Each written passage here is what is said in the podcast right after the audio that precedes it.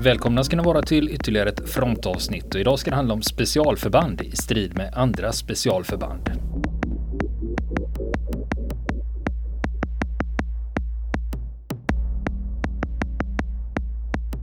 Det har vi aldrig pratat om för. Nej, nej det har vi faktiskt inte. Ja. Vi har faktiskt, eh, ja, vi har berört det beroende lite på hur du räknar. Ja. Det är ju det där, vi, vi är ju så att eh, våra lyssnare har ju en enorm fascination av specialförband. Mm, och det är ju något mytologiskt kring de här. Ja, lite übermensch också. Ja, men, men jag tror också, ja. det finns, det spelar egentligen ingen roll vilken ingång du väljer i det. Mm. För om du tänker dig, om man bara tänker vilken utrustning de har. Ja. Det är ofta liksom high tech och det senaste ja. och det bästa. Så är du intresserad av prylar och vapen. Eh, ja. och liksom, det kan vara vilken bildförstärkare mm. och mm. liksom vilken automatkarbin man har. Eller, eller vilken prickskyttegevär. Så det är alltid liksom best of the best of the best brukar mm. det vara. Ja. Så det är ju en aspekt av det, utrustningssidan. Och sen har vi då liksom fysiken. Ja, hur fysiskt tränade mm. de här människorna är. Mm. Och sen har vi psyket då, liksom. vad har du för psyke för att klara av extrema påfrestningar? Just det. För jag lyssnar, P1 har ju en dokumentär som ligger ute om Pam, den första mm. kvinnliga operatören i SOG. Ja, just det. Den har jag hört. Ja, och, den var intressant. Och, ja, jätterolig uh, att lyssna på. Re, lyssning, riktigt lyssningstips. Hon mm. berättar ju bland annat att hon är inte så lång. Och när hon då skulle vara med på uttagningen till SOG att hon trodde, uh, när hon såg de här stora muskelkillarna och tänkte men herregud, vad fan ska jag sätta emot här liksom? Mm. Men hon sa att jag höll bättre än många av dem. Ja. Och det är liksom, då sitter det ju i Det är kombon där, ja visst. Och sen också har vi också en annan aspekt av det här. Det är ju det här med äventyrsgrejen. När det Just gäller det. specialförband. De åker iväg i små enheter på special, svåra specialuppdrag. Det kanske ska ta sig långa sträckor till fots eller, eller sätts in med helikopter eller med båtar eller liksom mm.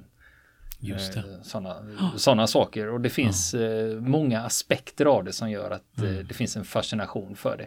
Och sen också att i, viss mån så finns det ju hemlighetsmakeriet kring det också. Ja, inte minst. Och, och, och, det, och det är svårt att, det... att tro med tanke på mängden ja. gamla operatörer som skriver böcker. Så det är svårt, svårt att tro att det finns några hemligheter. Ja. Och jag menar när då Andy McNabb kom med sin bok Bravo 2 Zero på 90-talet och skrev om eh, Kuwaitkriget där. Och, stor bestseller på den ja, tiden. Och sen rullar det ju på mm. med, med böcker. Och det var, för många var ju det första kontakten liksom. Mm. För en del hade ju liksom nördat ner sig i SS i Nordafrika och sånt. Va? Men, mm. Eller de tyska fallskärmsjägarna och Fort mm. Eben och sånt. Just det.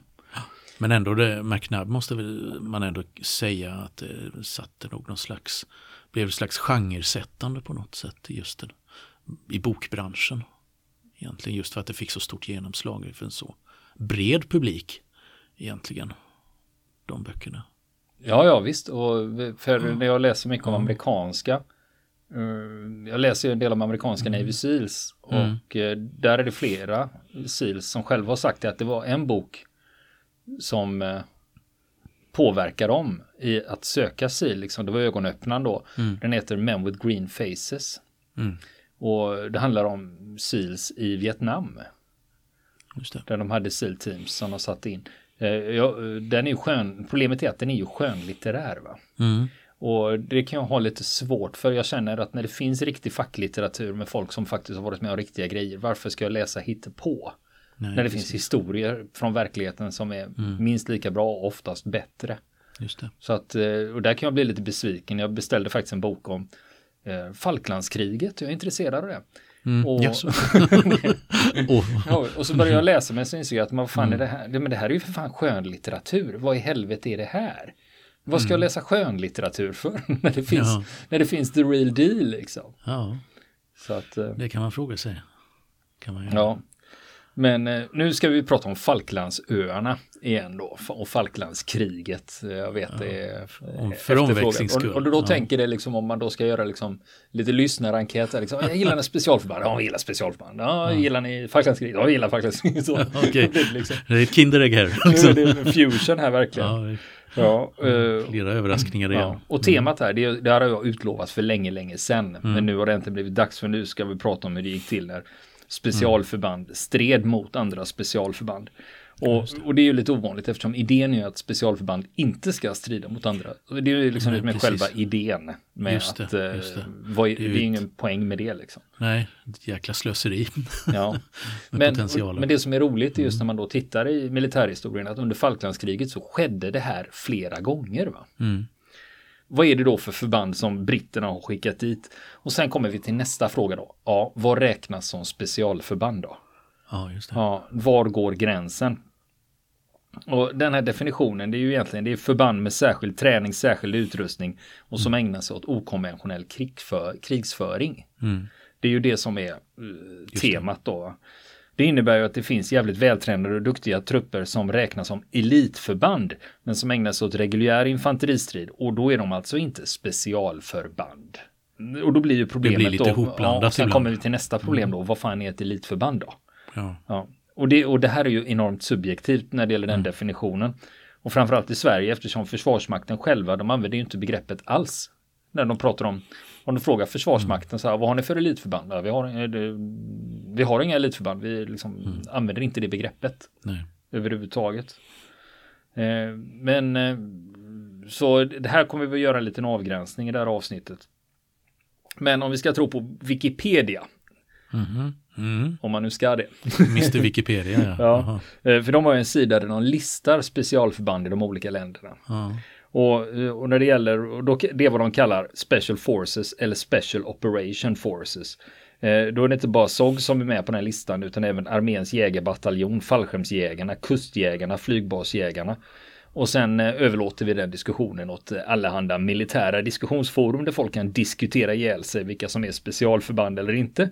Och vilka som är hårdast eller vilka som borde vara med på den här listan. För det det. finns ju ingen ände på det här. Ja men de är Nej. elit, de är inte elit, ja men de är Ja. elit, de är inte elit, de är Precis. hårdast, de är inte hårdast. Ja, ja, visst. Så det är alltså. liksom never-ending discussion. Ja, precis. Ja, men vi har, som tur är, vi Ja. har i alla fall SOG som ohotad Ja, etta i. Sverige liksom. Ja, de är hårdast, så punkt. No. Så här. De är utkorade här. Ja, men kapten Gunnarsson på fjärde infanterikompaniet, han var bra elak han. Det kommer alltid sådana. Ja, just det. Så det spelar ingen roll. Men här får vi någonstans dra en gräns då, liksom vad vi räknar som eh, Mm. specialförband eller inte. Jag kommer att lista upp det då. Va? Precis. Och så har vi det här med, eh, redan, eh, om vi nu går till Falklandsöarna då, 1982, då har vi det här med redan argentinska invasionen, den Mm. heter ju Operation Rosario, eller Operation Rosario på Just spanska blir det väl då. Eh, där var det ju argentinska specialförband som klev i land först och deltog i striderna mot brittiska Royal Marines som tillhörde garnisonen där. Och den Mm. Det. garnisonen där, de 60 eh, Marines var det ju då, brittiska Royal Marines. Mm. Eh, de kallades för Naval Party 8901. Och Mm. enligt den brittiska författaren Ricky D. Phillips, eh, jag hade en intervju med honom här om året när hans bok kom då om den här invasionen. Mm. Och han anser att de brittiska soldaterna på plats var Special Forces.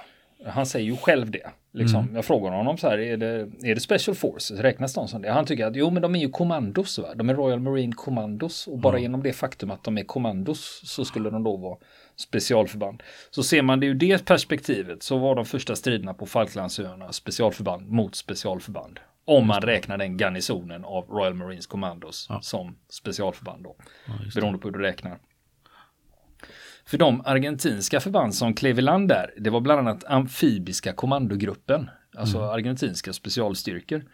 Och eh, även om de heter amfibiska kommandogruppen så är de inte bara inriktade på amfibisk strid utan de tränar även strid i bergsträng och håller på med fallskärmshoppning, bland annat med Halo och Heyho.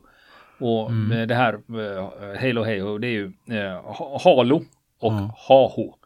Och eh, det är ju engelska och står för Halo är ju eh, High Altitude Low Opening. Mm. Och Heyho det är High Altitude High Opening.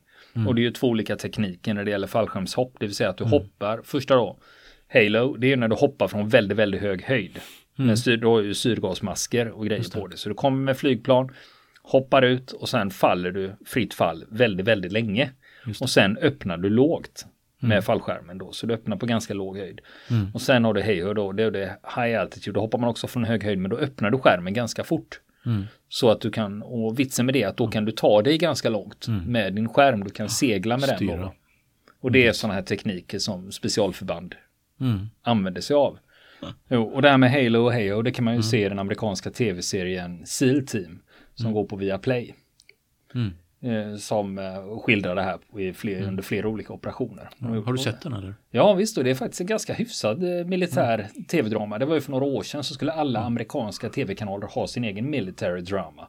Så då kom det en uppsjö och det var ju väldigt blandad kompott. Mm. Från eh, välgjorda eh, till rena skiten. kalkoner, liksom. Som kalkonen är väl Valor då som ska handla om 160 det är ju det amerikanska förbandet som flyger helikoptrar och flygplan Special Aviations Group. Ja, det. Och sådär och så skulle de ha en tv-version av det men det Mm. var så jävla mycket drama och kärlek och sånt och jag vill ju ha pang pang och explosioner. va. Ja, visst. visst. Men sen har du ju den här SEAL Team skym inte de militära operationerna med en massa kärlek. ja, liksom. Det, Och det som är roligt med SEAL Team det är att de har ju faktiskt engagerat eh, riktiga soldater i vissa roller och sen har de ganska Ja. mycket sådana här advisors på plats då som ska se till Ja. att det går rätt till. ja, just det. Tror du en sån som jag, en sån torrboll som jag skulle gilla den? För jag har Ja. inte sett den. Jo, jo, men den, är, den är ju sevärd. Jag menar, vad gör du med ditt liv liksom? Ja, Vad ska du kolla på annars? Skriver. Precis. Vad ska du göra? Ja, vad ska du göra annars då? Ja. Nej, så jag brukar beta av alla de här militärserierna Mm. allt eftersom de kommer. Så det är trevligt. Det är bra. Du är, mitt, du är mitt kvalitetsfilter. Ja, jo, men eh, det är ju lite så att vissa, vissa grejer behöver man ju inte eh, bry sig om. Mm. Nej. Och vissa saker kan vara sevärda Mm. då. Ja, Det fanns ju också en annan sån tv-serie som heter Sex. Som också Mm. handlar om Navy Seals då. En amerikansk serie. Jag tror det Mm. blev två säsonger och sen blev det stopp. Och den var väl eh, ganska hyfsad den också. Mm. Eh, men eh, då är det också hela tiden hur du blandar liksom. Hur mycket military action behöver det vara liksom. Och hur mycket drama och kärlekstrassel Mm. på hemmafronten behöver man ha liksom för att ja. attrahera. Få in tillräckligt mycket publik. Mm. Men nu ska vi tillbaka till 1982 och Falklandsöarna. Vi hade, Mm. Jag nämnde ju amfibiska kommandogruppen då, Ja, argentinska specialförband. Och de är ganska hårda för 95% av de som påbörjar utbildningen, de slutför den inte. Så det är ganska hårda uttagningar där. Mm. Och det var de som stod för det första anfallet mot Stanley 2 Mm. april. Och de var 84 stycken och de kom i gummiflotta söderifrån. De har blivit avsläppta av ett större fartyg. Och så klev de i land, delar upp sig i två grupper. Ena gruppen går då till eh, Royal Marines baracker och genomför ett eh, överfall där. Eh, och det här överfallet är lite speciellt nämligen. För att eh, de visste ju vad armébarackerna var, där soldaterna skulle vara. Men eh, soldaten, de brittiska soldaterna hade ju redan fått en förvarning så de var ju inte där, utan det var tomt. Mm. Argentinerna själva, de säger att de kastade in tårgas men ingen kom ut. Och att de inte, det hände inte så mycket mer sen att de inte blåste på någonting. Eh, men eh, de brittiska soldaterna som var i Stanley säger att de, de hörde ju ett jävla liv där borta med knallar och skottlossning och grejer. Och att de, att de tydligen hade blåst på som fan. Medan de argentinska soldaterna säger att men vi hade order om att inte skada någon. Eller skjuta ihjäl någon. Utan vi skulle försöka mm, få dem att ge upp bara. Och sen de brittiska soldaterna som kom dit efter kriget och skulle hämta grejer och sånt. Så säger att men det var helt jävla sönderskjutet. Det såg ut som fan. Det var ju typiskt släng in en handgranat och sen in och spraya med karbinen. Eh, de, de säger ju att de, stället var ju skjut, de hade ju skjutit där inne. Va? Mm. Det brukar ju alltid vara mycket efterhandskonstruktioner i. Ja, och då, men då kom argentinska förklaringen. Nej, men det var att de här barackerna, de hade varit utsatta för en luftattack från eh, Harriers Mm. under kriget. Och det var därför det fanns skador inne i. Därför det fanns kulhål i väggarna och handeldvapen. Ja, ja. Men det beror lite på vem man eh. Mm. lyssnar på. Det är alltså där eh, med att det finns olika. Det finns olika versioner och olika uppgifter. Ja. Precis. Precis. För de, eh, för det- så det här anfallet liksom, det, de konstaterar ju bara att det var, det var ju tomt. Mm. Men samtidigt så soldaterna var ju vid Government House inne i Stanley. Just där guvernören var, det var den de skyddade och sen De hade de ju, grupperat där då. Ja, och sen hade de lagt sig i olika grupper då. De säger ju inte grupper, Mm. de säger sections kallar de ju det. Det är bra om ni läser lit- litteratur som härstammar från England, där säger de inte Mm. eh, Squads. Nej, inget sånt, utan man säger section då. Mm. Och då hade de ju lagt olika grupper från Governor House upp till eh, ända upp till landstigningsstränderna då, Mm. som var norrifrån. Fast nu kom ju de här amfibiska kommandogruppen kom ju söderifrån då. Så de kom ju inte med landstigningsfordon utan de kom med gummibåtar. Det gjorde att man kunde ta sig i land där. Men det fanns ju två delar av den här amfibiska kommandogruppen när de klev i land där. Så den ena delen gick ju till barackerna då och den andra begav sig mot Government House.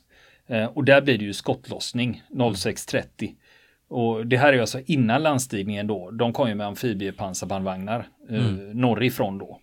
Men eh, det här sker ju innan då. och det är ju i den här striden då mellan amfibiska kommandogruppen och Royal Marines i Government House. Det är ju där löjtnanten Pedro Giacchino stupar. Och det är ju det är faktiskt det enda bekräftade dödsfallet under invasionen. Och han ja. tillhör amfibiska kommandogruppen. Och den brittiska författaren Ricky D. Phillips, han hävdar ju i sin bok The First Casualty att det här är en stor mörkläggning av både Argentina och Storbritannien och att det i själva verket stupar en jäkla massa argentinska soldater under invasionen. Mm. Och vi har ju tidigare haft ett frontavsnitt där Ricky D. Phillips liksom får ge sin syn på saken och säga att ja, men det jag berättar här det bygger på vittnesutsagor och sånt. Då. Så att, eh, men både argentinska och brittiska regeringen de vidhåller att det stupade en och sårades tre argentinska soldater under invasionen. Och inga mm. stupade britter, inga sårade britter. Mm. Så att det är liksom två versioner som står emot varandra då.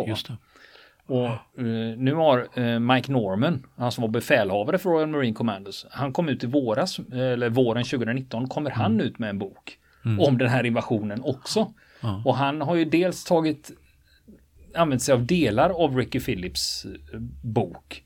Men mm. samtidigt så har inte han skrivit upp de här förlustsiffrorna för argentinarna så som Ricky D. Phillips har gjort.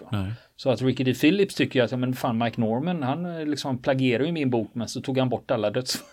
alla de här Det blev lite kontrovers där. Så, det är liksom, så de är ju inte riktigt... Eh, Nej, de är inte överens riktigt. De är inte överens om historien och Mike Norman var ju mm. faktiskt där. Ja. Och då tycker man ju att eh, om, om han var där, han mm. borde ju liksom veta men men i den första officiella rapporten som de brittiska soldaterna skrev där, då skrev de ju uppåt fem stupade eller någonting. Så mm. att, ja, ja, det är väl något som vi aldrig kommer att få reda på riktigt. Nej, Men det var det om amfibiska kommandogruppen. För sen har vi några andra också eh, från Argentina. Och det är Buso Tacticos. Det är, översätter mm. man det rakt av så blir det taktiska dykare. Eh, alltså, de är attackdykare. Och även om de är specialiserade inom dykning så kan de också det där med fallskärmshoppning och halo hey ho och liknande grejer. Va? Så det är liksom ja. inga mesar om heller. Och de var ju också med under invasionen med en liten grupp. Eh, dels en liten grupp som hängde med den amfibiska kommandogruppen. Eh, men framförallt så landsattes de från en ubåt utanför kusten ja. innan invasionen. Och eh, då, då, är det liksom, om du tänker dig, amfibiska kommandogruppen kommer söderifrån mm. och eh, den stora landstigningen med amfibiefordon kommer norrifrån. Men de här landstiger österifrån. Mm. Och eh, Bus Tacticos landstiger österifrån. Och de tar sig i land och sätter upp navigeringsfyrar för den stora invasionsstyrkan. Och bland annat så tog de en stor jävla fyr och mm. Eh, flygfältet. Och det gjorde de helt utan motstånd.